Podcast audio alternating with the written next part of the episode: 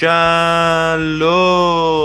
וברוכים הבאים לבשירות עוד מלכותה, פודקאסט הפרמייר ליג של ישראל. אנחנו כאן כדי לסכם לכם עוד מחזור של הליגה הטובה בעולם. זה נשמע לכם שאנחנו באנרגיות שיא, יכול להיות שחלק מאיתנו באנרגיות שיא, אני ממש לא באנרגיות שיא, אנחנו סופרים, אנחנו שוב עושים כאן פרק זום, הפעם פרק זום עם אוזניות איכותיות, או רמקול איכותי, אולי, אנחנו נגלה בהמשך הפרק איך זה יישמע. אה, אנחנו מתוך 12 ימים, אני 11 ימים האחרונים בבידוד, כיף לי מאוד, אני נורא נהנה, אני מגלה מחדש את הבית, אסף כל הזמן סיפר לנו כמה טוב בבית וכמה הוא אוהב את הבית, אז מסתבר שזה ממש לא נכון, שקר גס, יותר טוב בחוץ, אבל בחוץ קר וגשם אז זה מה שיש לעשות כרגע, אבל יש לנו כאן שני אנשים שהרבה יותר מבסוטים ממני והם ייתנו לנו את כל האנרגיות, אני אהיה איזה שיוריד פה ויהיה מישהו שרק יעלה ויעלה ויעלה עד שאנחנו נדבר על אה, דניס והכל יתרסק אה, למטה, זאת ועוד בהמשך הפרק, שרון דוידוביץ', מה העניינים, מה קורה? בסדר, עדיין, אה, עדיין אה, מתאושש מהחיים, מה, מהפנדמיה, מהקורונה, אבל זה שטויות לעומת triple captain דניס.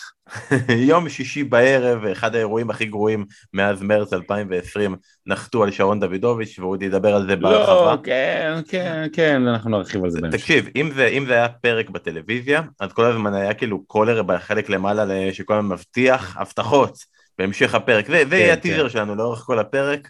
ובסוף יסתבר שלא יהיה כלום, ויסתבר שבכלל עשית קפטן הקינג. אבל אנחנו, אנחנו מריצים פה משהו. Uh, מה העניינים אסף? שלום, אני, אני אה, אדבר איתכם במילים של אחרים, לא במילים שלי. קרב את המיקרופון. אה, כן, בסדר. איך אפשר? קח עם היד למעלה. הכי טוב זה, באמת, אני אוהב להיות בבית, עם התה והלימון והספרים הישנים, עם אותה אהובה ועם אותם ההרגלים. בקיצור, אין כמו להיות בבית. הקיצור אתה מתחלף איתי, בוא אני אתן לך את הכתובת, אני אשלח לך עכשיו בוואטסאפ את הכתובת, אתה בא לפה, אני, אני הולך לעשות את אייקס uh, פייס והמשחק החוזר אחרי שהמשחק ההוא uh, הגיע למצב בעייתי, ואני רוצה שרגע תספר לכל מי לא, שמאזין לנו. לא, אני אגיד דבר כזה, אני בשבוע האחרון הלכתי, בכל, לכל מקום שאליו נאלצתי ללכת, באמת הקפדתי להישאר בבית, בכל מקום שאליו הקפדתי ללכת הלכתי עם שתי מסכות, היה לי מאוד מאוד חשוב שבשבוע הזה שעד יום ראשון לא להידבק. היה לי מאוד חשוב לשדר את פייס ואייקס, עכשיו מה שיבוא יבוא. אני עכשיו, כשאנחנו מתחלפים בבתים, אני אבוא ואשתעל גם.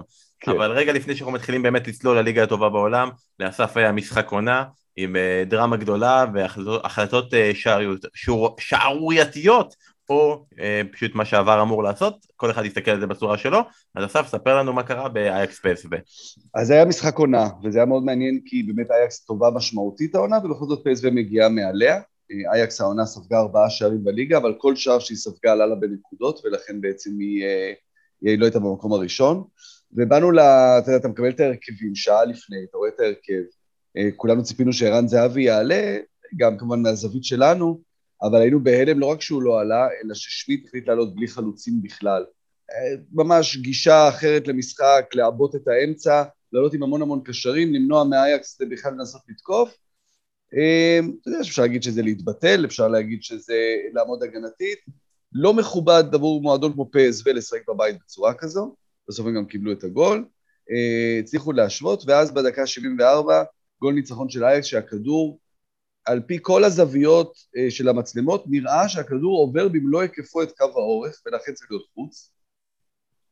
אה, בסוף המשחק בהולנד תמיד השופט בא מול המצלמות ומסביר את השריקות המשמעותיות. הוא בא ואמר, הקוון אמר לי, תוך כדי, ב live, אמר לו, הכדור בפנים, להמשיך לשחק. המשיכו לשחק, בסוף המהלך הזה נכבש שער יוצא מן הכלל, באמת, מזרעוי המגן הימני נקרא שער אדיר. ואז הלכו לבר, והבר בחן את העניין ובחן אותו הרבה זמן, שלוש וחצי דקות, והחליט שהוא לא יכול לפסוק באופן ודאי של מאה אחוז שהכדור יצא. עכשיו, ברור שכולם רואים את זה ואומרים, מה, ברור שהוא יצא. צריך להבין שבזוויות צילום אין לנו את היכולת להגיד באופן ודאי. ממה שרואים, כן, זה נראה בחוץ, אבל כדור שנמצא באוויר, אתה לא יכול להגיד במאה אחוז שהוא עבר את הקו או לא. והדבר הבסיסי של ור, וזה לפני לקחת את ההחלטה הנכונה או הלא נכונה, יש את הדרך העבודה של ור. וור, הדרך שלו לקחת החלטה היא להחליט, היא לדע, רק כשהוא יודע במאה אחוז אישור ודאי שהשופט טעה, רק אז הוא יכול להפוך החלטה של השופט. ההחלטה הזו, גם אם היא 99 אחוז נכונה, היא לא 100 אחוז, ולכן הולכים עם, הולכים עם החלטת השופט במגרש. וזה בהמשך גם לדברים שקרו בליגה שלנו. כן, זה, וכך- זה, וכך זה לגמרי נשמע מפוזיציה, נשמע מפוזיציה הדבר הזה, ונוסיף לזה שגם... טוב, היה אה, פוד יפה, היה פוד נחמד. תודה רבה, היה נורא נהנינו. שרון דוידוביץ', תודה רבה. ערב טוב. שרון, אייאקס זה כמו, נכון, ליונייטד עוד נגיע לזה, יש את הפרגי time, אז הפרגי טיים של אייקס זה להבקיע שערים מחוצים שלא היו. זה כאילו ממש מוטיב חוזר במשחקים של. אייקס, ככה הם מנצחים משחקים. אמ, אבל אה, סבבה, אז הליגה אצלכם גמורה, כי הליגה אצלנו כבר לא. ממש לא. ספר לי, מה בליגה שלכם? הליגה, לא, אני מדבר על ליגה של, אז שלכם, שלנו, הליגה הטובה בעולם. אה, חשבתי, לא, הליגה הטובה בעולם נפתחה. מחדש. זה שרון פה, חשבתי שבסקוניה ניצחו פשוט אז... אה,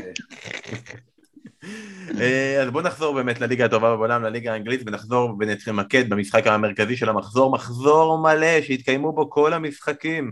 על אפך וחמתך שרון, שהימרת בהימורים שזה לא יקרה. זהו, הקורונה נגמרה. הקורונה נגמרה ואנחנו חוזרים לשחק משחקים מלאים עד שבוע הבא שאין בו משחקים יותר. צ'לסי פגשה את טוטנאם, אני רוצה רגע, לפני שאנחנו מתמקדים במשחק הזה, חייבים רגע במשפט על המשחק הקודם של טוטנאם. אה, אסף, אני שמעתי שאתה היית ב, יחד עם שרון באוף טיוב מקביל במשחק של יונייטד, וברגע הכיבוש השער השני של ברכווין, אתה פשוט כאילו, פשוט יצא לך כזה צעקת לא! מתוך, כמו מתוך חלום רע. אה, נגיד, נגיד, טוב בשביל הסיפור. כן, האמת היא שבהולנד היו די בטוחים שהוא עובר לאייקס, הוא היה כבר משא ומתן כזה שאייקס הציעו 18 מיליון, טוטנאם ביקשו 25, מסוג הדברים האלה שאתה יודע ש, שזה הולך להיסגר. אה, לאייקס יש את הכסף, כל אחד מושך לכיוון שלו קצת, אה, ברכווין שגדל באייקס עד גיל 14, זה היה נראה שהוא חוזר לשם, ו... והצוות הזה טרף את הקלפים. עכשיו זה גם משהו לגבי, אה, אתה יודע, אנחנו אוהבים לחשוב שפה הכל בישראל, הכל זה כזה ב... אה, קורה במחשבה מהירה ו- ואין איזה חזון או אין איזה מדיניות, אבל אתה רואה שבכל מקום זה ככה. כלומר, אם טוטנאם רצתה למכור את השחקן הזה שלה, מה, בגלל שתי דקות פתאום משאירים אותו? אז מסתבר שכן, התשובה היא כן, גם ככה זה עובד, גם במקומות כאלה. ואז מגיעה טוטנאם אה, למפגש שלישי מול צ'לסי בשבועיים וחצי, פעמיים הפסידה לה בגביע הליגה, אבל גביע הליגה כבודו במקום מונח, מה שחשוב זה הליגה, וקונטה מגיע למפגש ראשון בסטמפורד ברידג' מול קבוצתו לשעבר.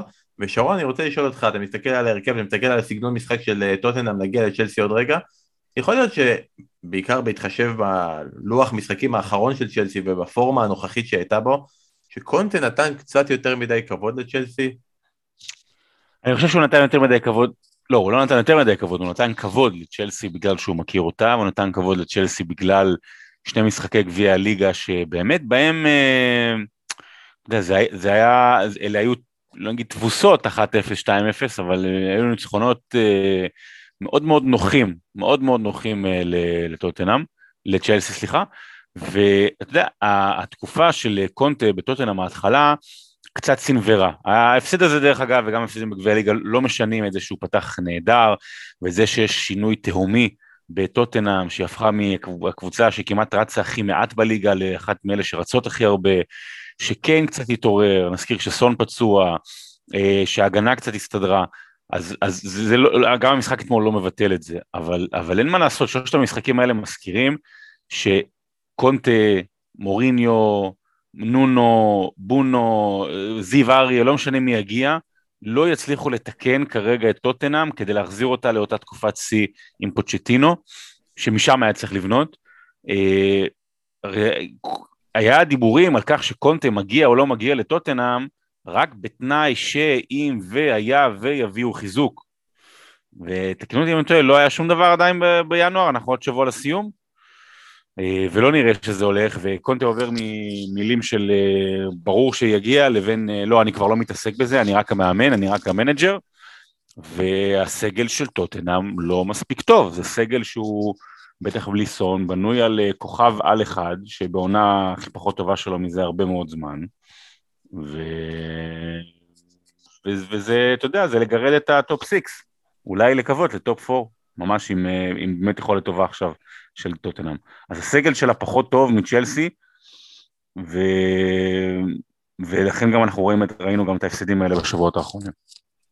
ואסף באמת בצ'לסי, אה, צריך, אתה יודע, אתה, אתה לא מגדולי המפרגנים לתומאס טוחל, אבל צריך במקרה הזה גם לפרגן גם על המשחק של צ'לסי וגם שהוא ראה מה לא עובד לו לאחרונה, הוא כן ניסה לשנות, כלומר הוא לא, הוא לא דבק במערך הקבוע שלו, המערך המראה שיכל להיות אה, לעומת קונטה, חסרים לו את השחקנים המתאימים לזה, מבחינתו גם אלונסו בתקופה פחות טובה, הוא משנה ועובר לרביעייה.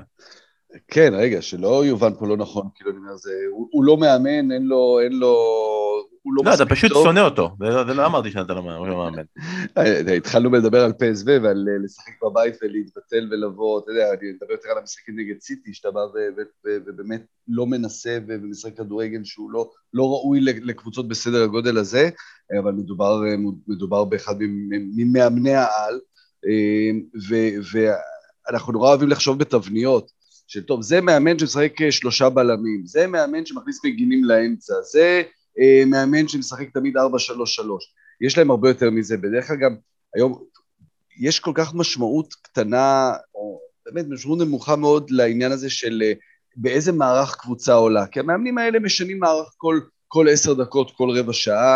אה, נורא יפה אגב לראות את זה, זה משהו, נחמיא לחברינו בבונדסליגה, שכל איזה עשרים דקות מעלים בקצה המסך את המיקום הממוצע של שחקנים בעשר דקות רבע שעה האחרונה, ואז אתה ממש רואה שינויי מערך, זה מאוד יפה לראות את זה בבונדסליגה, זה באמת קורה כל הזמן, ולכן זה גם לא מפתיע שהמאמנים המובילים היום זה מאמנים גרמנים שגם מגיעים אה, לפרמייר ליג, והיכולת הזאת לשנות, וזה לא בהכרח להתאים את עצמך ליריב, כמו להתאים את עצמך לשחקנים הכי טובים שיש לך באותו זמן.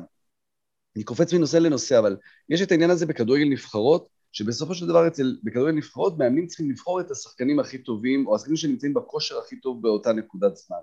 ובקבוצות הגדולות היום, אתה כמעט מגיע למקום הזה. נכון שעובדים כמובן ביחד הרבה יותר, ושחקנים הרבה יותר מאומנים, והקבוצות הרבה יותר מאומנות לשחק ביחד, אבל הסגלים הם כבר כל כך עמוקים, שמאמנים צריכים לפעמים, אתה יודע, להוציא פתאום מה, מה, מהבוידם של הסגל, מהמקום ה-22-23 בסגל, לשחקן שבאימונים באותו זמן נראה הכי טוב. ואתה רואה את זה ש, שהוא לא חושש לעשות את זה, אתה יודע, עם מלנג סער שבשבועות האחרונים נראה באמת אה, משהו אחר, משהו יוצא דופן, ו, ולא מפחד לשחק, אה, לשחק במקומו, במקומו של מרקוס אלונסו עם שחקן שהוא כאילו בהיררכיה נמוך מאוד. נכון, אפשר להוסיף לזה גם כמובן את השינוי, נגיד קנטה, שמבחינת כל אחד הוא בנקר, אבל הוא ראה נכון שהוא לא צריך אותו משחק הזה וישחק איתו כמחליף. אה, מבחינתי השחקן המסתיין של המשחק הזה, ומי שראוי להכי הרבה מחמאות, זה קאלה מדסון אדוי, עם הופעה באמת נהדרת, וחרר שם את הקו. ועשה שם בית ספר לטנגנגה, ואם אמרסון רויאל היה, היה על המגרש, לא נעים לי לחשוב רק מה הוא היה חווה ועובר. אבל בכל זאת אה, חייבים גם להתייחס, אסף עוד רגע יגיד. אה, רמי וייס אמר שהוא ראה את השער של עומר אצילי, ואסף ניתן לו רגע להתענג בזה, אז שרון תתחיל אתה, ת, תספר לנו, תתאר לנו במילותיך הקסומות את אה, שערו של חכים זייח. חכים זייח כמו ערב בעיר בלילה בקיבוץ, כשהכוכבים בשמיים והשחקים יורדים אל בניינים, כך חכים זייח ראה את המעוף, הוא ראה את הירח בחלומו ואמר, אני אבד לתוך הרשת! גול! סתם, אה, מה, איזה גול יפהפה. תראה, חכים זייח הוא, הוא, הוא קוסם של כדורגל, הוא, הוא מכשף, נכון? זה היה הכינוי שלו, המכשף בהולנד. The Wizard of Amsterdam. כן, The Wizard of Oz, עשינו עליו כתבה לפני שנה וחצי, ומה זה? כן. לא, אבל... תגיד, זה כמו בתו ירוק, שכאילו פג תוקפו של הנאחס, ועכשיו זהו, הוא השתחרר? לא, תראה, הוא חוזר בשבועות האחרונים להרכב, אבל צריך להגיד שהוא חוזר להרכב דווקא כשצ'לסי בתקופה לא טובה, שצ'לסי באמת, בלי, בלי שום כלים התקפיים, זה, זה, זה מוזר, מוזר לראות את הקבוצה הזאת, זאת אומרת, פוליסיק לא קיים, לוקאקו לא טוב, ורנר לא חי, הוא לא בין החיים כרגע, הוא... אה, אה, מי עוד יש שם, כאילו, אתה יודע, וגם, וגם הכלים ההתקפיים של צ'לסי, המגינים גם נפצעו ונשארו, ואלונסו נכנס לדקה 87, אה, אז טוחל צריך להגיד גם מתמודד עם לא מעט קשיים, מה שנקרא אדמיניסטרטיביים בתוך הקבוצה שלו, אבל שאלה מי יוצר את הבעיות האלה? מי יוצר את הבעיות האלה של התקפה? כי הם כן שחקנים טובים ומוכשרים. יוצר את הבעיות, זה נשמע כאילו אם זה היה פודים בגזרות אחרות, זה דרור שמשון, הוא יוצר את הבעיות, בגלל זה חסר את השחקנים האלה. אגב, שני שחקנים נהדרים מאליפות אפריקה, אולי כנראה יותר, אבל שניים מרכזיים שנהדרים מאליפות אפריקה בגלל סכסוכים עם המאמן שלהם, אחד זה חכים זייח, והשני זה החבר הטוב שלנו אה, עמנואל דניס, כלומר אנחנו נהנינו משני העולמות כמובן, מזה שהם אה, נהדרים, אה, אסף בכל זאת אנחנו לא יכולים לוותר על הדברים שלך על זיח שעכשיו הוא התאושש ועכשיו הוא חזר עצמו, לקח לו זמן, אבל עכשיו הוא מוכן ועכשיו הוא ככה ועכשיו הוא פה ועכשיו הוא שמה וזה הגול האחרון של העונה.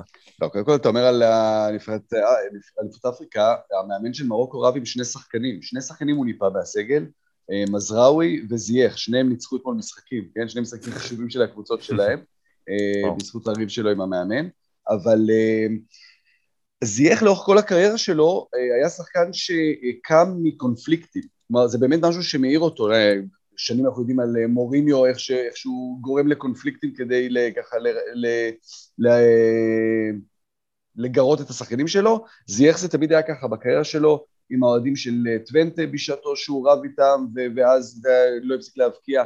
באייקס כמובן זה היה השיא שבעונה הראשונה אה, אה, שריקות בוז מהקהל של אייקס, טענו שהוא בועט מכל מצב וזה לא מתאים והוא לא שחקן שמתאים לאייקס.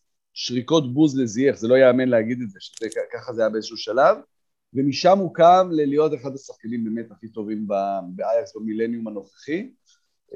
וגם בצ'לסי, הכל צלה בהתחלה, אפילו היה שם, ראית, בגול הקודם, במשחק הקודם, ממש לא חגג, זה היה הרגיש כמו איזושהי התרסה נגד אה, טוחל, אבל כשלא הולך, יכול להיות שגם הוא רואה את אליפות אפריקה ומרגיש שהוא צריך להיות שם, ו- ו- וזה נלקח ממנו, בחר במרוקו ולא בהולנד, בשביל להיות ברגעים האלה, עכשיו הוא קרח מכל הכיוונים, והדברים האלה מרימים אותו, והוא נותן גולים, אה, זה גול, זה, זה באמת לעמוד ולהריע לגול כזה. אגב, במרוקו הוא היה הפנדליסט של, של המלך. אגב, לעמוד ולהריע זה בערך מה שאוגו לוריס עשה בשער הזה, אבל הוא לא יכול לעצור את זה בכל מקרה, אז אה, צ'לסי מנצחת... הוא בדיוק חתם על החוזה החדש. נכון, הוא בדיוק חתם בנאופה. אה, יפה, שרון, יפה. יפה, יפה מאוד. צ'לסי מכאן ממשיכה עוד מעט לאיחוד האמירויות, לפגוש איזה אל הילל, ונאחל לה בהצלחה, אנחנו רוצים אה, לא, לא להיות רק אה, אלופי אירופה, אלא אלופי זה, תנו לנו את זה, אנחנו פספסנו את, את היורו, תנו לנו איזה גביע עולם למועדונים, נסתפק בזה, בניצחונות על אה, קורינטיאנס או פלמרס או מי שזה לא יהיה. מכאן נמשיך למשחק המרכזי של יום שבת. פלמנגו, לא? כן, פלמנגו? יכול להיות. כן, יכול, יכול להיות, יכול להיות, אני אומר את זה בלי להסתכל. יונייטד פוגש, אנחנו משדרים את המפעל הזה, זה ממש לא נעים. יונייטד נגד וסטאם, לפני שנגיע לפרגי טיים.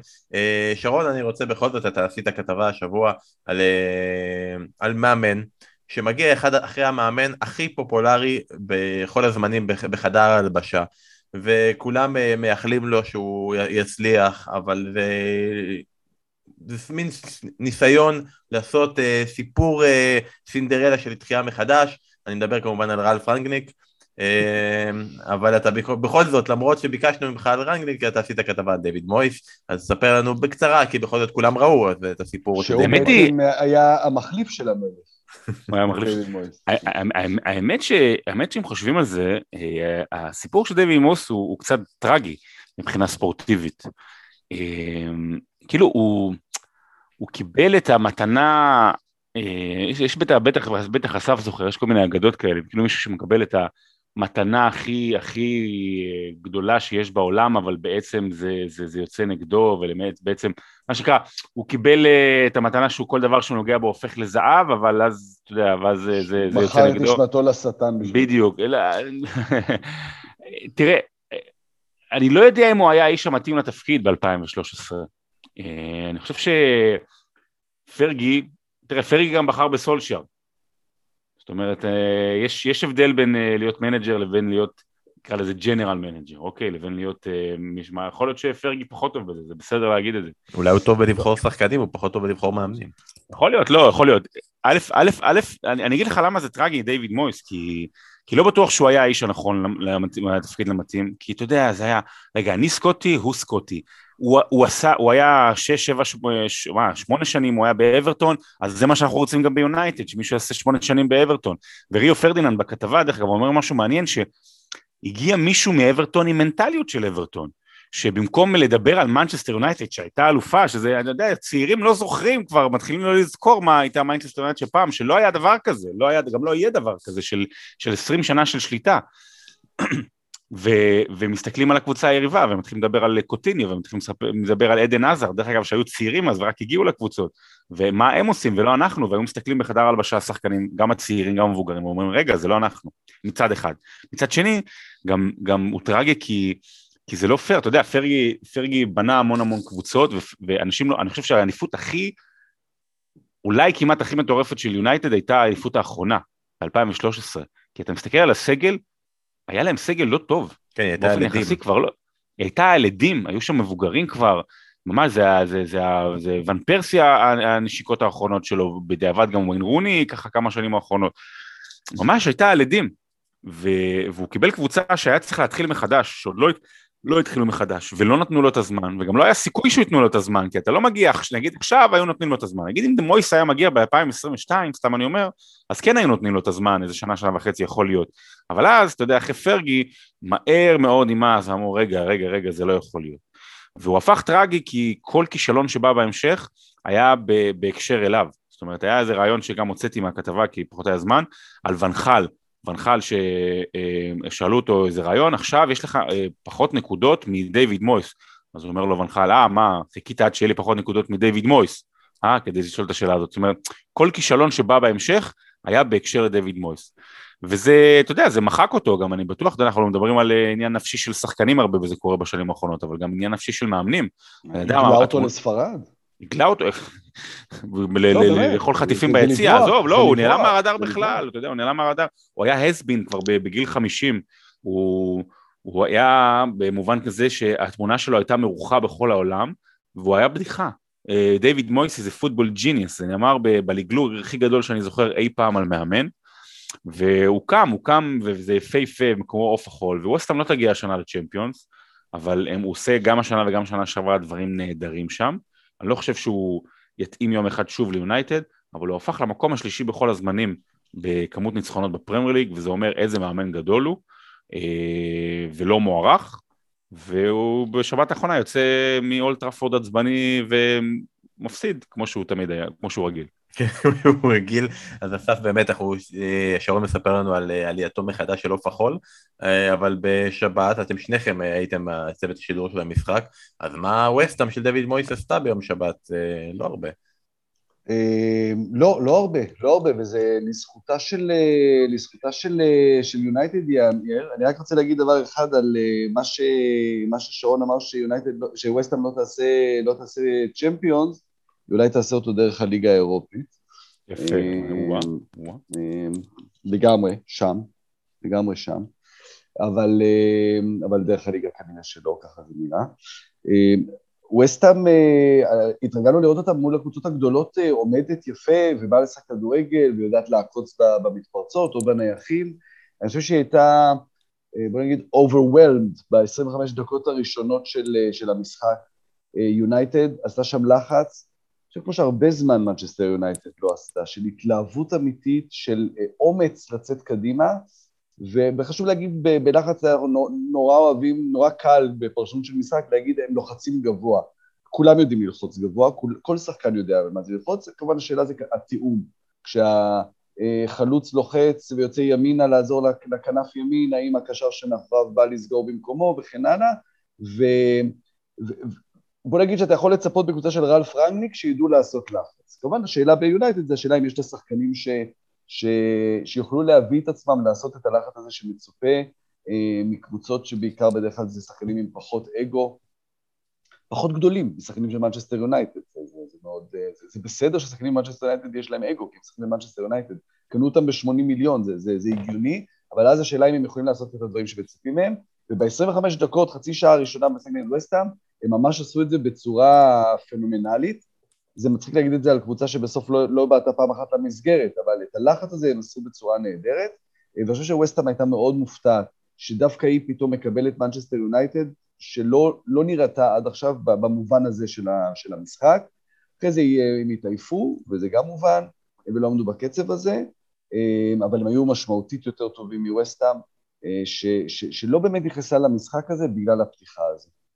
עוד רגע אני רוצה לדבר על השחקן שכבש את השער, אפילו על שידור השער, אבל לפני זה שרון, בפרקים האחרונים אנחנו כל פעם uh, מתלוננים על uh, התנהלויות של מועדונים, עושים השוואות ל-NBA, אני, אני, אני מתנגד לזה באופן אישי, ל-NBA, לא, לא, לא להשוות, אבל uh, במקרה הזה, שוב, רונלדו uh, מדווח כפצוע, ואפילו לא רק, uh, לא רק מסיבת עיתונאים, הודעות מיוחדות שמאנסטר יונייטד מוציאה ברשתות החברתיות ובעמוד הרשמי שלהם, שמדווחים על פציעה של קריסטיאנו רונלדו ושלא נראה שהוא יהיה כשיר ושיעשו לו מבחנים נוספים. אה, ובסוף הוא בהרכב. עכשיו זה לגיטימי, באמת שזה לגיטימי אבל למה צריך עדיין ב-2022 את כל המשחקים האלה? ולמה כשרנגלינג חושב שהוא לא כשיר אז הוא כן כשיר? ולמה כשהוא חושב שהוא כן כשיר אז הוא לא כשיר מי משחק פה עם מי ולמען איזו מטרה? מה משיגים פה? אני די בטוח שההודעה המיוחדת שיצאה יום לפני מטעם מנצ'סטר יונייטד על זה שהוא אמר, נזקק לטיפול, זה היה דווקא בשל הביקורות ששבוע שעבר היו לפני על, על ריינג'לינג, זאת אומרת אני די בטוח שזה בא משם. אין שום בעיה או שום היגיון לא לתת, הרי, הרי הרי גם, אה, גם בליגה שלנו, זאת אומרת בליגה שלנו אתה יודע בערך שעתיים שלוש לפני מי בסגל, אוקיי? אתה יודע מי בסגל. אז אתה, אז לפחות את זה, אתה יודע, היום אה, זה לא יהיה בסגל. בערך, אני שוב חוזר לליגות אחרות, ליגות לכדורסל ו-NBA, אז כתוב אה, שעה, שעה וחצי לפני ישחק או לא ישחק, או, או Game Time Decision, מה זה אומר? שיעשו לו את המבחן כשירות לפני.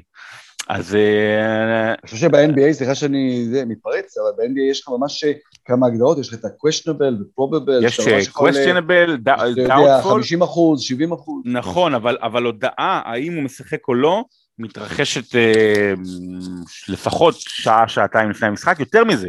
חמישיות, גם חמישיות, שזה כאילו פחות חשוב מהרכבים של 11 אה, זה, זה גם מפורסם אה, אני חושב שעה, שעה לפני, ולא עשר דקות לפני כמו באירופה. אה, זה מעצבן, זה בעיקר מעצבן שחקני פנטזי, אה, שהם אה, נזכיר רק מיל, מיליגרם מכל האהדה לליגה הזו, ולא חשובים, וגם המשחק הזה בכלל לא מעניין ולא חשוב. יש מצב, יש מצב שזה דברים שכן השתנו עם הזמן, כי בסופו של יום, הדברים האלה שאתה מספר ב-NBA על ההודעות מראש, קודם כל עניין של הימורים. נכון, נכון, נכון, זה גם חשוב, זה, זה, זה יותר חשוב מהפנטזי. בדיוק, וסוכנות הימורים כדי לדעת מי משחק, מי לא משחק, יש לזה בכדורסל זה כמובן מאוד משמעותי, כל שחקן כזה זה משפיע על אה, כמות הנקודות במשחק, על כמות השלשות, על כמה שחקן נקלע וכן הלאה, ובכדורגל, אם, ככל שסוכנויות ההימורים נהיות יותר משמעותיות בספונסר שיפ של ליגות ושל קבוצות, אני חושב שגם ילכו לכיוון הזה יותר, של, של להיות, שתהיה פתיחות לגבי שחקנים שמשחקים ולא משחקים. טוב, אנחנו עדיין לא מספיק אה, תומכים ברצונות של אה, סוכנויות ההימורים, כל עוד לא, עדיין... לא אמרנו, לא אמרנו אנחנו תומכים או לא תומכים. אנחנו, כל עוד הכיס שלנו עדיין ריק, אז אה, נמשיך. בין שלוש יש חמש, בואו, בואו אלינו. בואו נדבר רגע על הפיל שבחדר, השחקן שבפרק הקודם, אתה לא היית אסף, אז אתה פטור מהצהרה הזאת, הגדרנו אותו כנראה overrated. אה, הגדרנו, אה, ניתנה השאלה, ואור יוזן שהחליף את אסף אמר שאולי הוא אוברייטד, וגם הוא אמר את זה, הוא אמר את זה עם סייגים, הוא לא זה, בוא... דבר ראשון הוא לא החליף, הוא היה אסף כהן באותו רגע, אני חושב שזה גם מופל עליו, ואני חושב ששרון מתנער מזה יפה, הייתה הסכמה שבחדר, הייתה... זה יפה שפעם אורי אוזן היה מחליף את ישראל זביטי ועמוס נחייסי, והיום הוא מחליף את אסף כהן. רואה לאן הגעת. אה, ומאז אותה אמרה, מרקוס רשפורד עם שני שערים, אה, אחד נגד ברנדפורד ועכשיו אה, שער רביעי שלו בתוספת זמן, שער ניצחון רביעי בתוספת זמן, יותר מכל שחקן אחר במנצ'סטר יונייטד בפרמייר ליג. שרון, אתה שידרת את השער הזה, אני רוצה לשמוע ממך גם את החוויה, וגם משהו שאנחנו לא עושים בדרך כלל, דבר איתי על השידור, כי ראיתי הרבה, הרבה דיבור על זה ברשתות, בטוויטר, על השתיקה. החוכמה שבשתיקה. תראה, אני, אני חושב שדיברנו על זה מזמן, אני עושה איזושהי הרצאה שנקראת uh, סיפור סינדרלה, ובין כל מיני סיפורים מעניינים, אני גם מספר שם איך, אה, איך שידור יכול אה, לספר סיפור, זאת אומרת, איך, איך כל, כל סגנון שידור יעביר לך את, ה, את המשחק בחוויה אחרת. ויש, אני רוצה שאנשים יבינו ש... אני חושב שאין דבר כזה שנקרא שידור נכון. אין דבר כזה שנקרא שידור נכון. ואי אפשר uh, ללמד מה זה לשדר נכון. לכל אחד יש את הסגנון שלו, ויש סגנון שאוהדים יותר אוהבים, יש סגנון שאוהדים פחות אוהבים. Uh, אני באמת, מהאהבה שלי לליגה, ואני חושב שדווקא מהכתבות שאני עושה בעשר שנים האחרונות, שבהם אני שומע המון המון קטעי שערים מאנגליה, אז אני ניזון מהסגנון הבריטי. והסגנון הבריטי הוא מאוד מאוד ייחודי, אבל הוא מאוד מאוד גם קשה לביצוע בישראל.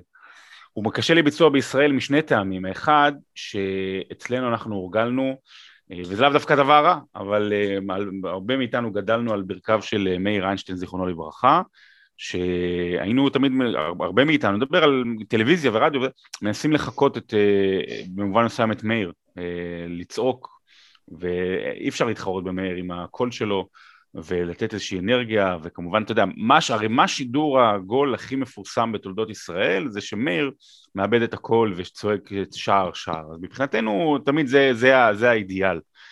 אני חושב שבאיזשהו שלב הבנתי שאני לא אוכל להיות מאיר, אין סיכוי, אה, גם לא, לא היה לי ציפייה כזאת, אה, אז, אז ננסה לעשות דברים אחרים. אז זה אלמנט אחד שבישראל כאילו הורגלנו לצעקות וזה, וזה, וזה טוב, שזה, אבל כל אחד והסגנון שלו.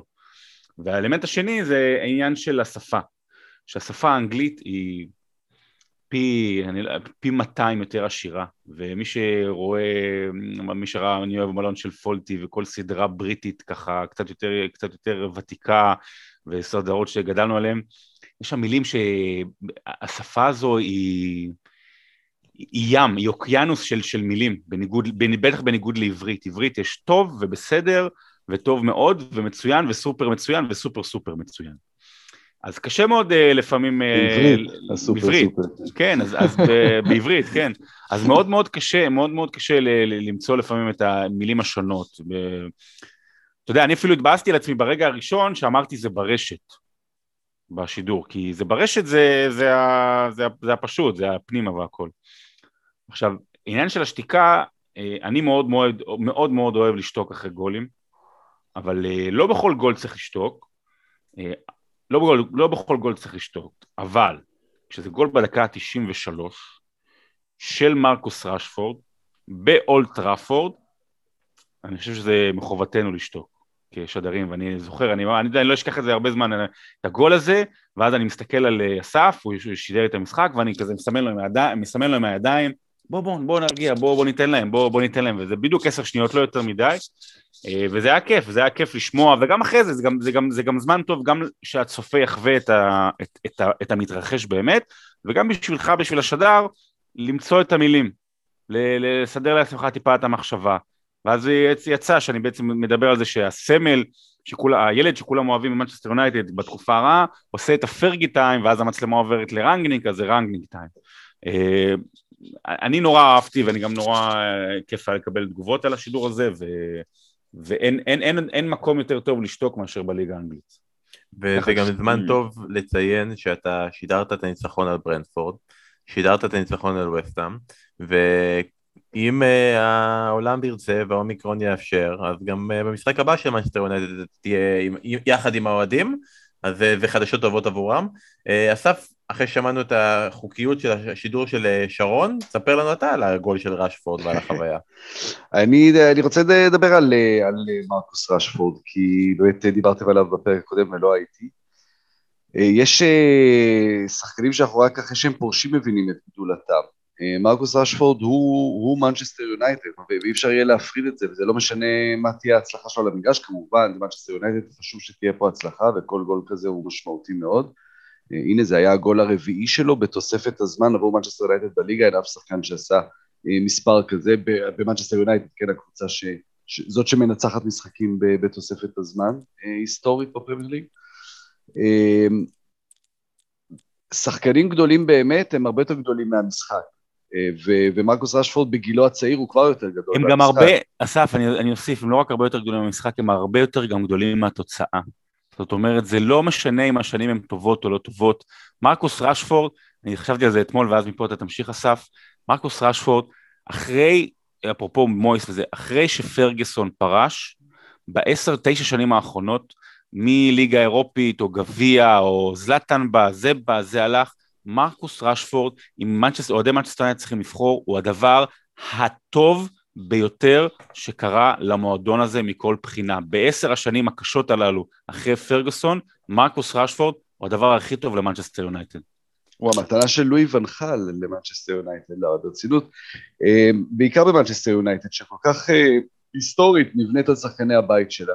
שהם הם אלה שהובילו אותה להישגים שלה, שנכון תמיד היה רכש מאוד משמעותי, וזה לא מועדון קטן, זה מועדון שהביא שחקני רכש גדולים, אבל שחקני הבית הם, הם הבסיס להכל.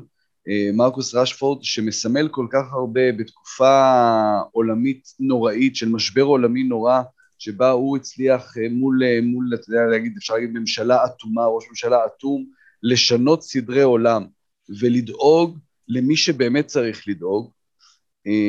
אז כל גול זה תוספת אפשר להגיד, אבל בסוף אנחנו באים לכדורגל והדברים שמסביב באמת מסביב כי העיקר זה הכדורגל, אז שחקן כזה שילדים אה, אוהדי מנצ'סטר יונייטד יכולים להסתכל עליו ולהגיד ככה, כזה אני רוצה להיות, כמוהו אני רוצה להיות, אה, זה, זה, זה מעל הכל עבור מועדון כזה, עבור שחקן כזה, ו, ולכן זה לא משנה לאן זה ילך עם מרקוס רשפורד, אה, הוא, הוא צריך להיות כמו, כמו הגדולים האחרים, one, one club man, וממש הוא הפנים של מנצ'סטר יונייטד ל-10-15 שנים הקרובות. אחלה מרקוס רשפורד בעולם, ללא ספק שחקן underrated ושלא יגידו לכם אחרת. אמ, דיברנו אז על הדרבי של לונדון, דיברנו על המאבק של הטופ 4, על הפרגי time, על הריינגינג time. בואו נדבר על זה שמאבק האליפות, שוב, חזר לחיים. מסתכלים על הטבלה זה קצת אה, לא נראה ככה, אתה מסתכל אתה רואה תשע, זה, זה סתם תשע מבהיל, לליברפול יש משחק חסר, זה אולי נגד לידס, זה יכול להיות שש, עדיין יש משחק בין הקבוצות שמחכה לנו אי שם באפריל, יכול להיות שלוש, חברים הכל פתוח, ברנלי עדיין לא השלימה את כל המשחקים שלה, עדיין, יכול להגיע, עדיין יכולה להגיע, הנה כבר התחילה עם תיקו אפס מול, מול ארסנל, אז uh, הכל בסדר, ואסף אני רוצה שתגיד לי, סאוטמפטון עוצרת את מנצ'סטר סיטי בתיקו אחת, ווקר פיטרס חוזר לצד ימין במקום ליברמנטו, כובש שער בכורה בפרמייר ליג ואחלה שער, אה, וסאוטמפטון, בשני משחקים העונה מול סיטי, לא מפסידה, פעמיים תיקו, היחידה שמצליחה לעשות את זה כרגע מבין הקבוצות ש... ששיחקו מולה פעמיים. מה יש בסאוטמפטון ובהאזנהוטל האלה שמצליחים לעצור? כן, הקריפטונייט של מנצ'סטר סיטי, מה יש בהם? יש אומץ לב, יש רצון לבוא ולשחק כדורגל. אמ, אה, יש שיגידו שזו תמימות, שתעלה לך ב-9-0 פעם בעונה, שזה נורא להפסיד 9-0, זה נורא בכדורגל מקצועני, אבל זה גם הבנה באמת אמיתית של, של ההנהלה, והיא מתחלפת שם עכשיו בסאוטמפטון עם, עם העברת בעלות שם, אמ, ש, שאנחנו לא פה רק בשביל לעשות תוצאות. כלומר, ברור, לא בשביל לרדת, אסור לרדת ליגה, אבל מעבר לזה, אנחנו מגדלים שחקנים, אנחנו עומדים פה בשביל כדורגל אה, מסוג מסוים, אנחנו רוצים שהקהל שלנו ייהנה ממה שהוא רואה, ובדרך אתה עושה דברים נהדרים. ופעמיים תיקו נגד מנצ'סטר uh, סיטי, ברור שסיטי יותר טובה יותר, ברור שהיא החזיקה בכדור הרבה יותר, ברור שהיא אימה יותר על השער. אבל כשאתה עושה את זה ככה, אתה גם בונה מסורת של מועדון. לא דרך לזכות בתארים, אלא דרך, אנחנו מועדון שנותן לשחקני בית את ההזדמנות, מוכר, אותו, מוכר אותם בהמון כסף לכל הקבוצות הגדולות, והיום באמת כל הקבוצות הגדולות מלאות בשחקנים שמגיעים מסרטמפטון, ו... אה, אבל קודם כל זה בונה מסורת של מועדון מפואר בליגה, שתמיד אתה יודע שאתה תשחק, הוא יבוא לשחק כדורגל. וזה שווה הרבה מאוד עבור מועדונים כאלה שהם לא המועדונים של ה top six שתמיד צריכים להיאבק על האליפות. אז אחלה, סוטמפטון, כל הכבוד להם, וגם אה, צריך מתישהו להרחיב את הדיבור על ארמנדו ברויה, או ברוז'ה, צריך להחליט את הדבר ברויה. הזה. ברויה. ברויה, שחקן, שאתה אומר לעצמך, בואנה, זה, מה זה, הוא, ארמנדו ברויה, הוא אלבני, הוא אנגלי, גדל בכלל במחלקת הנוער של צ'לסי, דיברנו עליו בפרק עם אדם דיוויד, על עצמי שהוא גידל, שהוא היה יחד איתו במחלקת הנוער, אחלה שחקן, עוד נרחיב עליו את הדיבור, אבל בואו נעבור רגע לצד השני של המאבק אליפות, לליברפול. אה, שרון זוכר את כל מה שאמרנו שבוע שעבר על החיסרון של סאלח ומנה, אבל יש להם את טרנט ורוברטסון אה, לכפר, אז, אז, אז, אז כזה שוב, רק מהצד השני. אז ליברפול כאילו, שהיא לא, לא טובה, לא, אני אומר שדיברנו על זה שרוברטסון וטרנט יכולים לכפר על החיסרון של סאלח ומאנה, אז שבוע שעבר זה היה טרנט, והשבוע זה היה רוברטסון. אז זהו, כן, תראה, קלופה דיבר על זה בסיום, שאין אין מי, אין מי שישלים את המהירות של מאנה וסאלח באגפים, אז אה, ארנולד ורוברטסון לוקחים עוד צעד אחד קדימה, ובאמת מנסים אה, לנהל את המשחק מקדימה. תראו, אנחנו חיים ב... הרי אנדי רוברטסון, בשנתיים האחרונות מקום שני רק לאלכסנדר ארנולד בליגה עם כמות בישולים, הוא מקום שלישי העונה בליגה אחרי טרנט וסאלח, וזה בעונה לא טובה של רוברטסון וגם יחסית אה, יותר פציעות. אמ, אנחנו חיים בעידן שבו אפשר, אתה יודע, המושג הזה פליימייקר, שפעם גדלנו על אה, בין אם זה דם מרדונה ובין אם זה אייל ברקוביץ' ובין אם זה ריקלמה, אתה יודע שזה המספרי עשר של פעם שנשארים באמת באזור הזה של מרכז המגרש וקדימה ו- וזהו וזה מספר עשר, היום מספר עשר הוא מספר שתיים והיום מספר עשר הוא מספר שלוש והיום מספר עשר הוא שישים ושש ו- ו- ואין רק פליימייקר אחד בקבוצה. אז אה, טרנט אלכסנדר ארנולד ורוברטסון בשיטה שקלופ נותן בשנים האחרונות הם הפליימייקרים של ליברפול. וזה היה משחק לא טוב אתמול של ליברפול, גם פנדל שלא הגיע לה, ופאלאס, זו קבוצה התקפית הפכה להיות, המון הזדמנויות, ואליסון בהצלה ענקית, אבל היא מנצחת, אה, ותראה, בסופו של דבר כמה פחדו וזה, הם אמורים לא לשחק, פעם הבאה שישחקו בליגה, מנה וסאלח כבר יחזרו. אז את שני המשחקים הללו עברה ליברפול עם אה, ניצחונות. נכון, זה לא קשים מדי. בסוף זה השורה התחתונה, במשחק הזה 30 דקות ראשונות היו טובים, הבקיעו את השערים, אבל אז קצת אה, אה, הלכו לאיבוד, באמת אה, פנדל שלחלוטין לא היה, צריך להגיד, הנה, אם אנחנו כבר התחלנו את הפרק עם טעויות שיפוט, אז גם כאן, וVAR, שכן צריך להחליט, לא צריך להחליט, אז פה עבר התערב כשלא היה, כשלא היה צריך, וטעה והטעה את השופט. וזה השלב שבו אנחנו מכניסים כזה טיזר, מיד בבשירות עוד מלכותה, עוד רגע, זה קורה, שרון דוידוביץ', דניס בפנטזי, אבל לפני זה, אה, טרופיות קצרות. רגע, אני יכול אה, בקשה לסדר היום, אני רוצה לבקש ממך בן שתרשום לפרק בקרוב, שאני רוצה שנקדיש אה, זמן לקריסטל פלאס, כי מה שהמועדון הזה עבר בקיץ האחרון, אנחנו תמיד מדברים על, על, על זה שבביולוגיה אי אפשר לשנות DNA, המועדון כן. הזה שינה DNA, זה מטורף הדבר, זה קהל מדהים, אגב, אחד הכלים הטובים באנגליה, קריסטל פלאס, אה, אחרי שנים של כדורגל משמים ומשעמם, שחקנים ותיקים בליגה, מנוסים, שיודעים איך לגרד את ה-1-0, וככה נשארים בליגה שנה אחרי שנה עם רוי הולסון. שינו את הגישה לגמרי, הביאו מאמן אחר, נתנו לו להחליף סגל, אה, ממש ויתרו שם על אה, שחקנים עם מאות הופעות בפרמייר ליג, והם הפכו להיות קבוצה מלהיבה וכיפת לצפייה, אז צריך קצת להעמיק על פאלאס. אז אנחנו נרחיב עליהם, אנחנו רק נגיד עכשיו שבסוף המשחק פטריק וירה היה עצבני על ההחלטה של השופט, על הפנדל של ז'וטה, ואז אה, הוא הולך אחרי השופט, אבל נראה שהוא הולך להמשיך עוד קצת, ורוי קין בשידור אמר שהוא הולך כנראה לדבר איתו במנהרה, כי פטריק וירה יכול להיות מאוד מאיים במנהרות. אז זה התחברות עם אה, ההיסטוריה של הפרמייר ליג. אז אנחנו נעשה טרופיות קצרות, כי בכל זאת קר בחוץ, ולא מי שותה עכשיו טרופית. אה, נתחיל עם המשחק של אה, ברנדפורד נגד וולף, שם השחקן המפתח והמצטיין היה רחפן. חברים, רחפן שריחף מעל שמי איצטדיון ברנדפורד ועצר את המשחק למשך כמעט 20 דקות. אמ, חשבון הטוויטר של ברנדפורד אגב בשלב הזה מרוב שיעמו מידרדר לעשות ריטוויטים של בדיחות מהקהל, הוא ביקש שאנשים ישלחו לו בדיחות קרש וצייץ מחדש ציוצים כמו שמישהו קנה סוס וקרא לו מיו uh, and uh, sometimes mayonnaise uh, זה, יפה מאוד. וזה קצת הזוי כל הסיפור הזה עם הרחפן. כאילו זה היה דיבורים חשש לשלום השחקן זה היה רחפן פצפון קטנטן וח... ולא מזיק, שהדבר היחידי שהוא הזיק ובגללו עצרו את המשחק זה חשש לזכויות השידור של הפרמייר ליג, שכנראה יצלמו כן, את המשחק. כן, בגלל זה עצרו? כן. אני, אני חשבתי שבאמת, כמו שאתה אומר, זה לחשש לשלומם של השחקנים, ואז כשהבינו שזה לא באמת חשש לשלום השחקנים, אז הם הלכו לפלן בי, וזה להחתים את קריסטיאן אריקסן. וואי וואי וואי.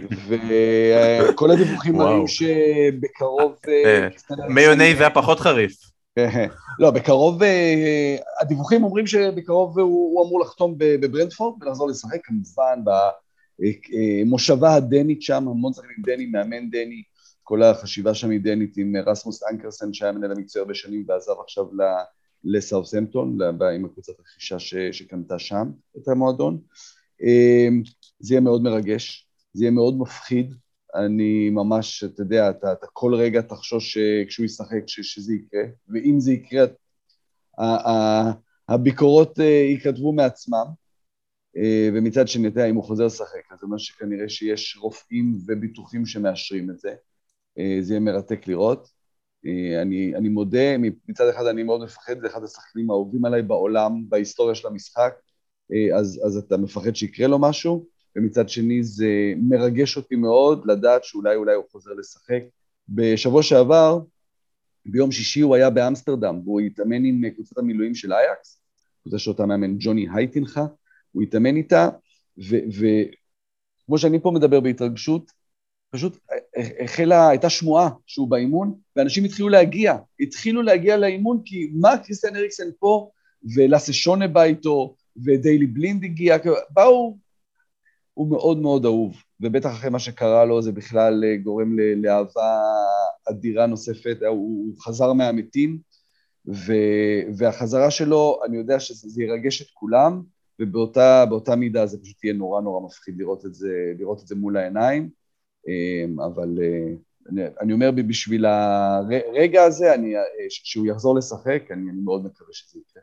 אני לא הייתי רוצה להיות שחקן יריב שצריך לשים גוף לאריקסן, זה, זה גורם לחשש. מבחינה מקצועית וולפס עם ארבעה ניצחונות מחמישה משחקים אחרונים, שבתוכם גם תיקו עם צ'לסי, רחוקה רק ארבע נקודות מיונייטד עם משחק פחות, ויכול להיות שיש לנו עוד מועמדת שנכנסת לטופ 4. גם, האליפ, גם המאבק אליפות חזר לחיים וזה מאבק אליפות הכי טוב בעולם. גם יש לנו top 4, מאבק של כל הקבוצות, מלבד אה, ניוקאסל, אה, נוריץ' וווטפורד שנאבקות על הירידה, ברנלי אנחנו עדיין לא יודעים אם זה שם או שם, יכול להיות שני, שני המאבקים. באמת, הליגה אה, מרתקת. אה, נעשה את זה ממש בקצרה, שרון, לוקה דין ואסטון וילה מנצחים את אברטון, בואנדיה חוזר לחיים ממשחק טוב, וג'רד מצליח להחיות גם אותו. ושרון דיברנו בשבוע שעבר על רפה בניטז, ויכול להיות שזמנך עבר, אבל מה יהיה עם אברטון? האם גם זמנם עבר?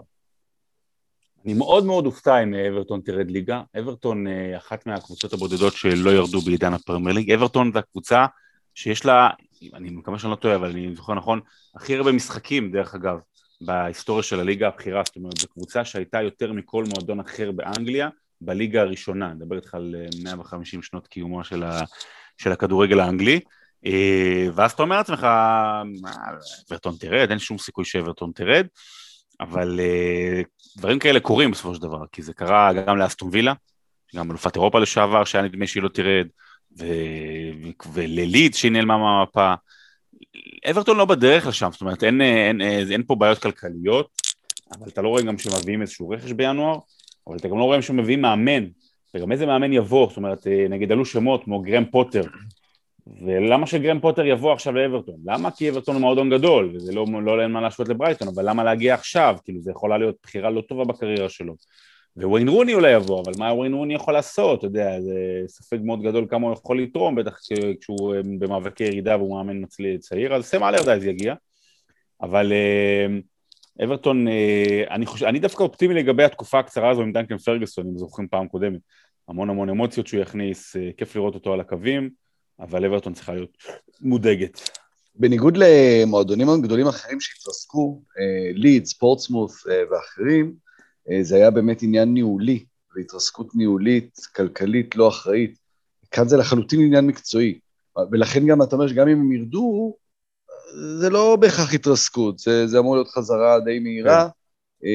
אבל, אבל זה באמת עניין מקצועי, כלומר זה מישהו צריך לבוא ולהפוך את הגלגל, זה לא מאמן שיבוא, כי באמת יש שם בעיה מאוד חמורה, מאוד משמעותית בסגל השחקנים, אבל יש שם בעלים ששופך כסף, שממשיך לשים כסף, אמ, אז, אז, אז ההתרסקות פה היא לא כזו התרסקות, לא אמורה להיות התרסקות כזאת של רבת שנים, כמו שתיארת עם לידס למשל, שממש ירדה עד לליג 1 ולא היה ברור איך היא תתאושש.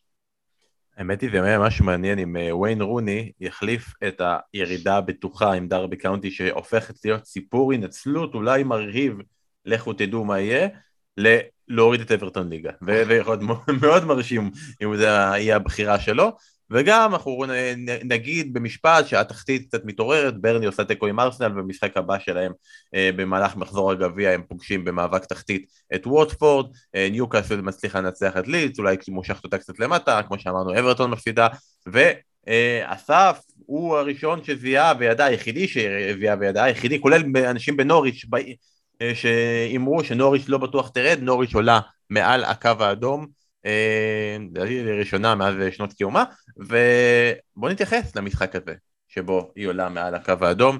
יום שישי בערב של פרמייר ליג, זה יום שישי בערב, זה זמן נהדר לפרמייר ליג, מפגש בין שתי קבוצות תחתית, אה, נוריץ' וווטפורד, שאין שום סיבה בעולם שיעניין יותר מדי אנשים, אבל איכשהו נוצר מצב בליגה ההזויה הזאת של הפרמייר ליג ובפנטזי של היום, שבערך ל-90% מהשחקנים הפעילים יש שם קפטן, אה, אחד, אופציה, אפילו לא רק אחד, או, או, או קפטן מלך או קפטן אה, דג, ולחלקם יש אפילו לא סתם קפטן, אלא triple captain, וכולם, כולם ביחד תומכים בווטפורד ללכת קדימה, קדימה, קדימה, והם הולכים אה, אחורה, אחורה, אחורה בטבלה, מפסידים 3-0 לנוריץ' עם שערים, שער מרהיב של סארג'נט שכדאי לכם עדיין לראות, עם כיבוי אורות החשמל ועם כיבוי תקוותיו של שרון דוידוביץ' וגבירותיי ורבותיי, הרנט הגיע. רגע, רגע, לפני הרנט, רגע, רגע, לפני המקצועי, קודם כל מקצועי. קודם כל מקצועי. רק אגיד דבר כזה,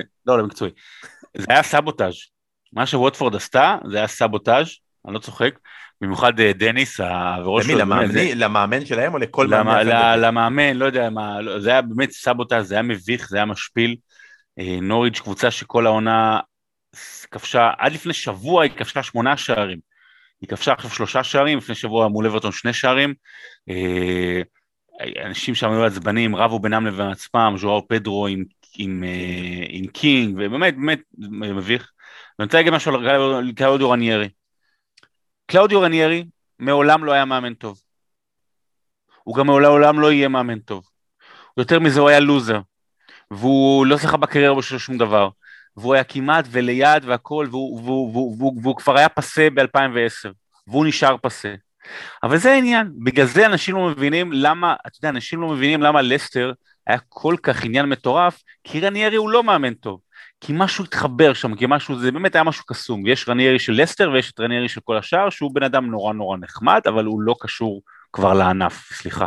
זה פעם שנייה שזה קורה לו, שהוא מגיע באמצע עונה לקבוצה, והיא רק מתרסקת עוד יותר. אז זה היה עם פולאם לפני שלוש עונות, ועכשיו זה עם uh, ווטפורד. יש לו ב-14 משחקים, שני ניצחונות.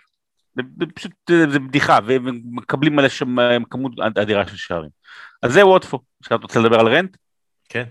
טוב, ואז אנחנו בזה נסיים. מקליטים. תראו, פנטזי ופרמייר ליג. יש אנשים, במיוחד הזקנים והמתישים שבהם, שחושבים שפנטזי זה, זה משחק של ילדים, או שזה דווקא הורס את הכדורגל, או שזה דווקא, כאילו, מה, אנשים רוצים שיהיה 0-0 ויהיה קלין שיט, והם משחקים וזה, ו... אלה, אלה, אלה הם הקלאודיו הרניירי של אוהדי הכדורגל, אוקיי?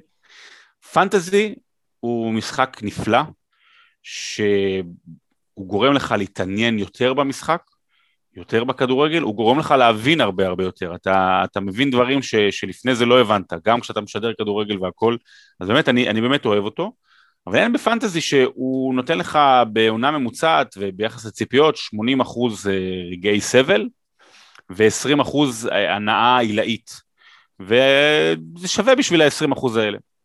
עכשיו, אני התחלתי לשחק לפני, באופן ממשי לפני שלוש שנים, זה כאילו עונה רביעית עכשיו. יחד עם הפוד. יחד עם הפוד, כאילו באופן, אתה יודע, שממשי והכל, ו... והייתי כאילו לא רב, השתפרתי, אתה יודע, מזה, גם בעונה אחת מקום 11 אלף, שנה שעברה 60 אלף, וכאילו יש לי ציפיות מעצמי, ויש לי ציפיות כי אני שדר, ואני כאילו מבין את הליגה האנגלית, ויש לי פוד ליגה אנגלית, ויש לי אח, משה שיש לי את אצלו שהוא השחקן פנטזי הכי טוב בארץ, והוא גם דביל. אה, ו, ואני כאילו אמרתי השנה, אני, היה לי מאוד מאוד כיף כל השנים לעשות בחירות גם בקשר לשידורים שלי. נגיד כולם הולכים על קפטן אה, ברונו נגד סאות'המפטון, אז אני משדר את, אה, בבית אותם נגד אברטון, אז בוא נשים קיין, נכון, אברטון קבוצה יותר קשה, יריבה יותר קשה, אבל אני משדר, כאילו, אם הוא, אם הוא יכבוש אני אתבאס, אני לא אשכח את ה-9-0 שעשיתי של אסטר על סאות'המפטון, ולא היה לי אף שחקן משם. אה, והשנה אמרתי שזה יהיה אחרת. כאילו אני לא, לא הפעם אני לא אתן לזה להשפיע, והתחלתי לפני חודש התרסקות כאילו טוטאלית. במקום להביא את בואן ששידרתי, הבאתי את מורה. ושבוע שעבר היה באמת מפלה מטורפת, במקום לשים קפטן בואן שמתי קפטן אנטוניו. שבוע שעבר אמרתי לפני כולם שאני מביא את ברונו ומקפטן אותו, ורגע האחרון אמרתי לא, ובאמת התרסקות ושם ויתרתי, ואז אמרתי, שבוע יאללה, ניסיון אחרון, כאילו אני כבר משחק בשביל הכיף, ובוא נשים triple captain דניס. למה? כי אני ב tilt, למה? כי אני משדר אותו, למה? כי יש double בהפרש של שבועיים נגד שתי קבוצות חלשות, זאת אומרת, ולא יהיה פציעה, ואז זה, ואיכשהו עשה את הצהוב הראשון, וזה היה דרך אגב יכול להיות אדום גם באדום הראשון, התחלתי לצחוק, הייתי מודד גביש בשידור, התחלתי לצחקק, וכאילו אמרתי, זה הולך להיות אדום, וגם ראו אותו עצבני כל המשחק, וכשהוא קיבל את האדום אז אמרתי יואו! זו הפעם האחרונה שנשארתי מה שנקרא ספיצ'לס, אה, אבל, אבל זה נורא מצחיק, ובאמת אני התרסקתי איזה 160-170 אלף מקומות כאילו בחודש, ואני באמת חושב, אני באמת שואל את עצמי איך אני, איך אני אסתכל עכשיו על הליגה האנגלית העונה בלי פנטזי, אה, זה שובר את הלב, אבל זה כבר הפך להיות מצחיק, וננסה לקום מזה, וזה עדיין אה, ליגה נהדרת בלי פנטזי, וזה גם עדיין משחק כיף, וננסה משבוע לשבוע ככה לעשות דברים, אבל אני נורא נורא מתבייש בעונה שלי, באמת מתבייש. אני חייב להגיד לך שרון, דבר ראשון כולנו איתך. היה שווה לחכות כל הפרק בשביל זה? אני חייב להגיד לך שזה הרנט הכי רגוע שהיה לך, כאילו התעצבנת על דברים יותר, אה, זה, איפה לא, לא, כי אני כבר השלמתי, אני כבר... לא הייתי שם triple אם לא מה שקרה שבוע שעבר עם ברונו, אתה מבין? זה דבר גורר דבר. אז בעצם אתה, אתה משליך את הכל על רונלדו. אתה כועס על רונלדו בעצם. על רנגניק. על רנגניק. הוא אשם בזה שדניס הוא, קיבל. הוא, הוא וסבא וסבתא שלו. אשמים במצב שהגעתי אליהם. אתם מבינים, אסף, בפוד הבא שאנחנו נעשה, אתה יודע, עוד שבועיים שהליגה תחזור והכל, אז אתה רואה את שרון, מה הפנטזי עכשיו? זה משחק, הורס את הליגה. הורס את הכדורגל, כל הזמן אתם רוצים, רוצים clean sheet ים, רוצים 0-0, גועל נפש.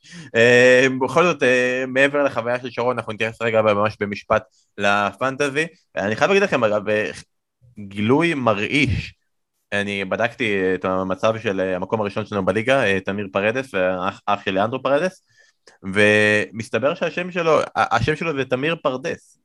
זה, זה בללי בלילי, all over again קורה פה. והוא מידרדר למקום ה-45 בעולם, הבן אדם השני בעולם, זה מראה שהוא לא מקצוען, שהוא לא שומר על עצמו, שהוא לא משקיע באימונים, ואני אומר לכם, לפרדס זה לא היה קורה. מאז שהשם השתנה לפרדס, המצב אה, הידרדר והחמיר.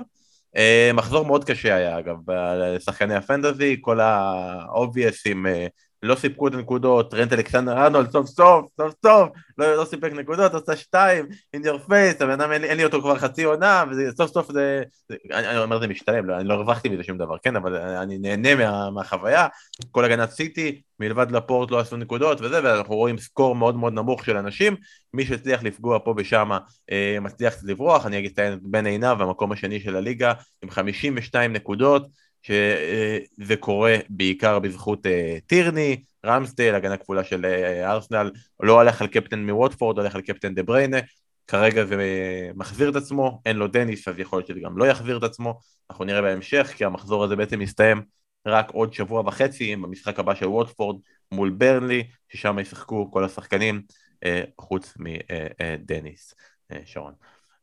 וכולנו מחוץ לליגה, נכון? כולנו בעצם סיימנו פה את הסיפור.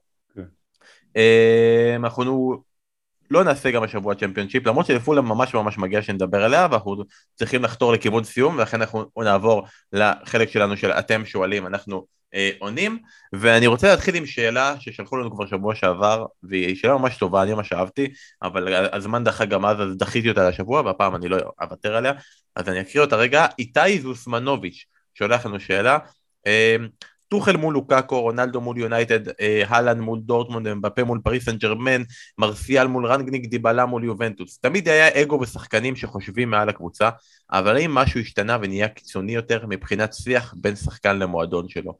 ראינו סוכנים שמדברים רעיל כמו ראולה, ראיולה, סליחה, וראינו שביתות איטלקיות כמו של אוזיל, אבל לתחושתי משהו במעבר הזה בין דוברי מועדונים ושחקנים השתחרר. אסף, האם אתה חושב שאנחנו בעידן חדש של מאבקים בין שחקנים לבין אה, קבוצות, ואיך כל זה קשור לחוק בוסמן. חד משמעית, חד משמעית, לא, זה, זה, זה, זה, זה לא החטא הקדמון, זה לא חטא, זה לא חטא, אבל זה, זה החטא הקדמון, שם זה הכל מתחיל, אה, חוק בוסמן, וזו שאלה נהדרת, זה גם כתוב נהדר, זה כתוב כהצעה ל... תזה. לתזה, לתזה ממש, זה באמת העניין, זה באמת, זה, זה הרי, זו שאלה, זו סוגיה שמקיפה כל כך הרבה נושאים, כי זה לא רק בכדורגל, זה לא רק עניין חוזי משפטי, זה עניין של איך, החברה שלנו, בכלל, החברה העולמית, הקפיטליסטית המערבית, אה, איך היא, איך היא מתקיימת היום. אה, זה בוסמן קודם כל, זה מסי רונלדו אה, בדבר השני, של, של המרכז, הפרט כמרכז, שזה בכלל החברה הלכה למקום הזה, או האינדיבידואל מעל המשהו הקבוצתי, אבל בוודאי בספורט כזה, שהוא ספורט מקצועני שאמור לקדש את הקבוצה ואת המועדון, אה, כשאוהדים מפעם, אתה יודע, היו, הקהילה, הקבוצה, הקהילה הייתה אה, מתכנסת סביב המועדון, סביב הקבוצה, אבל ברגע שהאוהדים אה, של ברנדפורד זה לא רק האוהדים מה, מה, מהשכונה, והאוהדים של מנצ'סטר יונייטד זה לא רק האוהדים ממנצ'סטר וכן הלאה, אלא מכל העולם, אז גם זה מאבד מהכוח של המועדון ושם את הפרט כגיבור הגדול שלו. אתה רואה את זה, אתה יודע, כמו ב, ב, בתחומים אחרים, שבהם האינדיבידואל הוא הכוכב, כמו בקולנוע, במוזיקה, בדברים אחרים בתרבות, אז כאן, למרות שזה משהו קבוצתי, ההזדהות עם אחד, עם הפרט, הוא, הוא הרבה יותר גדול. כמובן שהתקשורת אה, היא חלק מזה, הסוכנים הטובים באמת יודעים להשתמש בזה ולהדיר את השחקנים שלהם, אבל זו תוצאה של, אה, של כל מה שקורה בעולם, לפחות נגיד בשלושים השנים האחרונות, אה, וכן, הכוח של שחקנים היום הוא, הוא מאוד מאוד משמעותי, ואתה רואה את זה שלפעמים אה, בגלל העניין של הכסף, המועדונים הגדולים מקריבים לא רק את המאמן, אלא את תדמית המועדון בשביל, בשביל, ה, בשביל השחקן האחד, הכוכב הגדול שלו. אני רק אמרת מקודם מינו ריולה, בן, כן. אתה יודע שאם בלם מאסטון וילה, טיירון מינגס, היה לוקח אותו כסוכן שלו, אז הכותרת ביום אחרי זה בעיתון הייתה מצא מינגס את מינו. אה, אבל לא, באמת השאלה הייתה מעולה, זה באמת נושא, נושא אדיר למחקר, כי זה באמת משהו שהוא עניין חברתי לחלוטין, אה, כלכלי, תרבותי, זה אחלה, אחלה נושא. מה, אה, איתי שאל את זה מעולה, וכתב את זה מעולה, והציג את זה מעולה. אני חושש למעמדי, בוא נגיד ככה, איתי, אה, אה, לא נעלה אותך יותר פה. שרון, גיא רפאל קינן, אמר, ביקש ממנו להתייחס, בהמשך לדיון... זה המגן הימני של ליברפול? כן.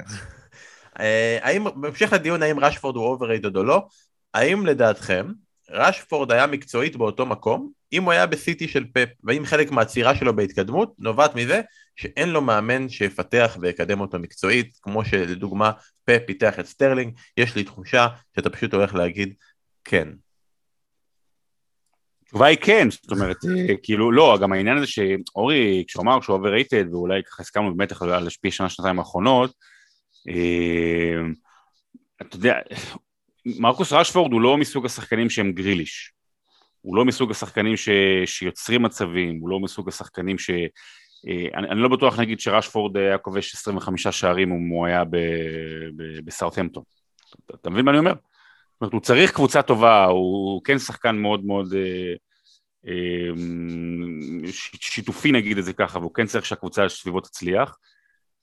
אז uh, בוודאי שאם הוא, הוא היה משפר אותו את, את הדברים הקטנים, זאת אומרת כל מיני uh, ניואנסים, כי מרקוס רשפורד במובן הזה, אתה לא רואה אצלו שיפור במשחק לאורך השנים, זאת אומרת הוא, הוא טוב היום כמו שהוא היה, או, הוא טוב בדברים כמו שהוא היה בטוב באותם דברים מסוימים לפני שלוש שנים. לא ראית אצלו שהוא מפתח עדיין משהו במשחק שלו, וזה מה שחסר לו כדי אה, להיות top.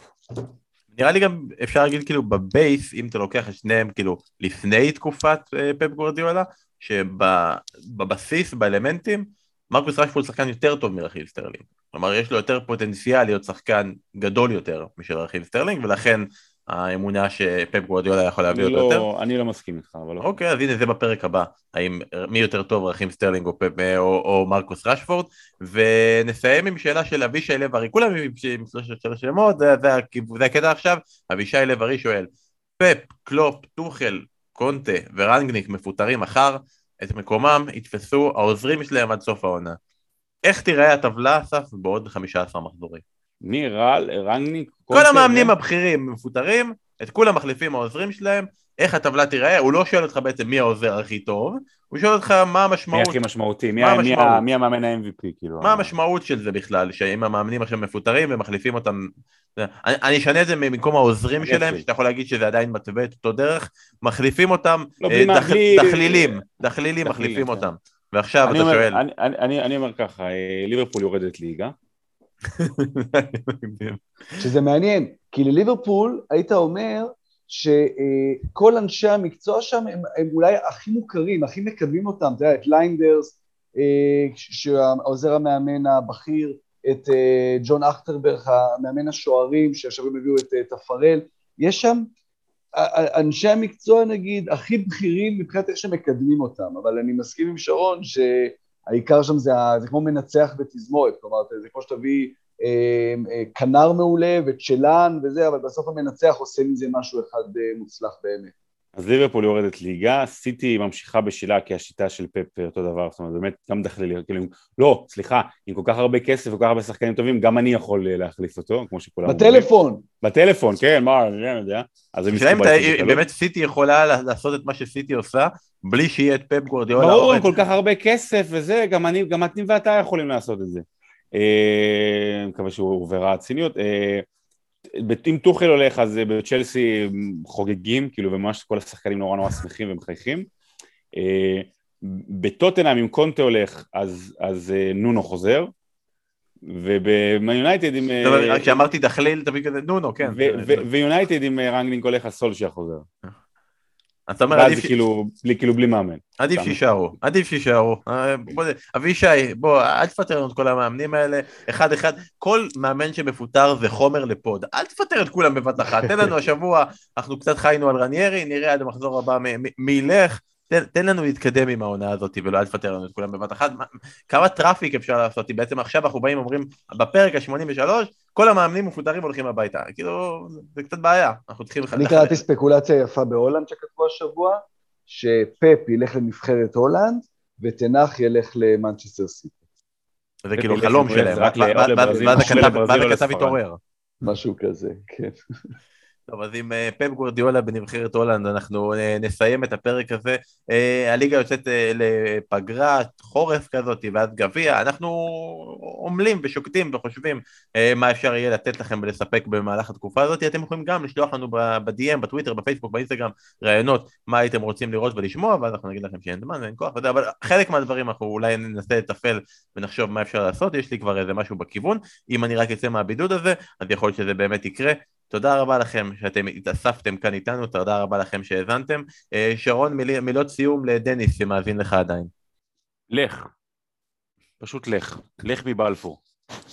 יש את השיר המצוין הזה של אה, אילן פלד, דניס דניס, what will be with you, נה נה נה נה נה נה. תקדיש לו את השיר הזה. שיר סיום.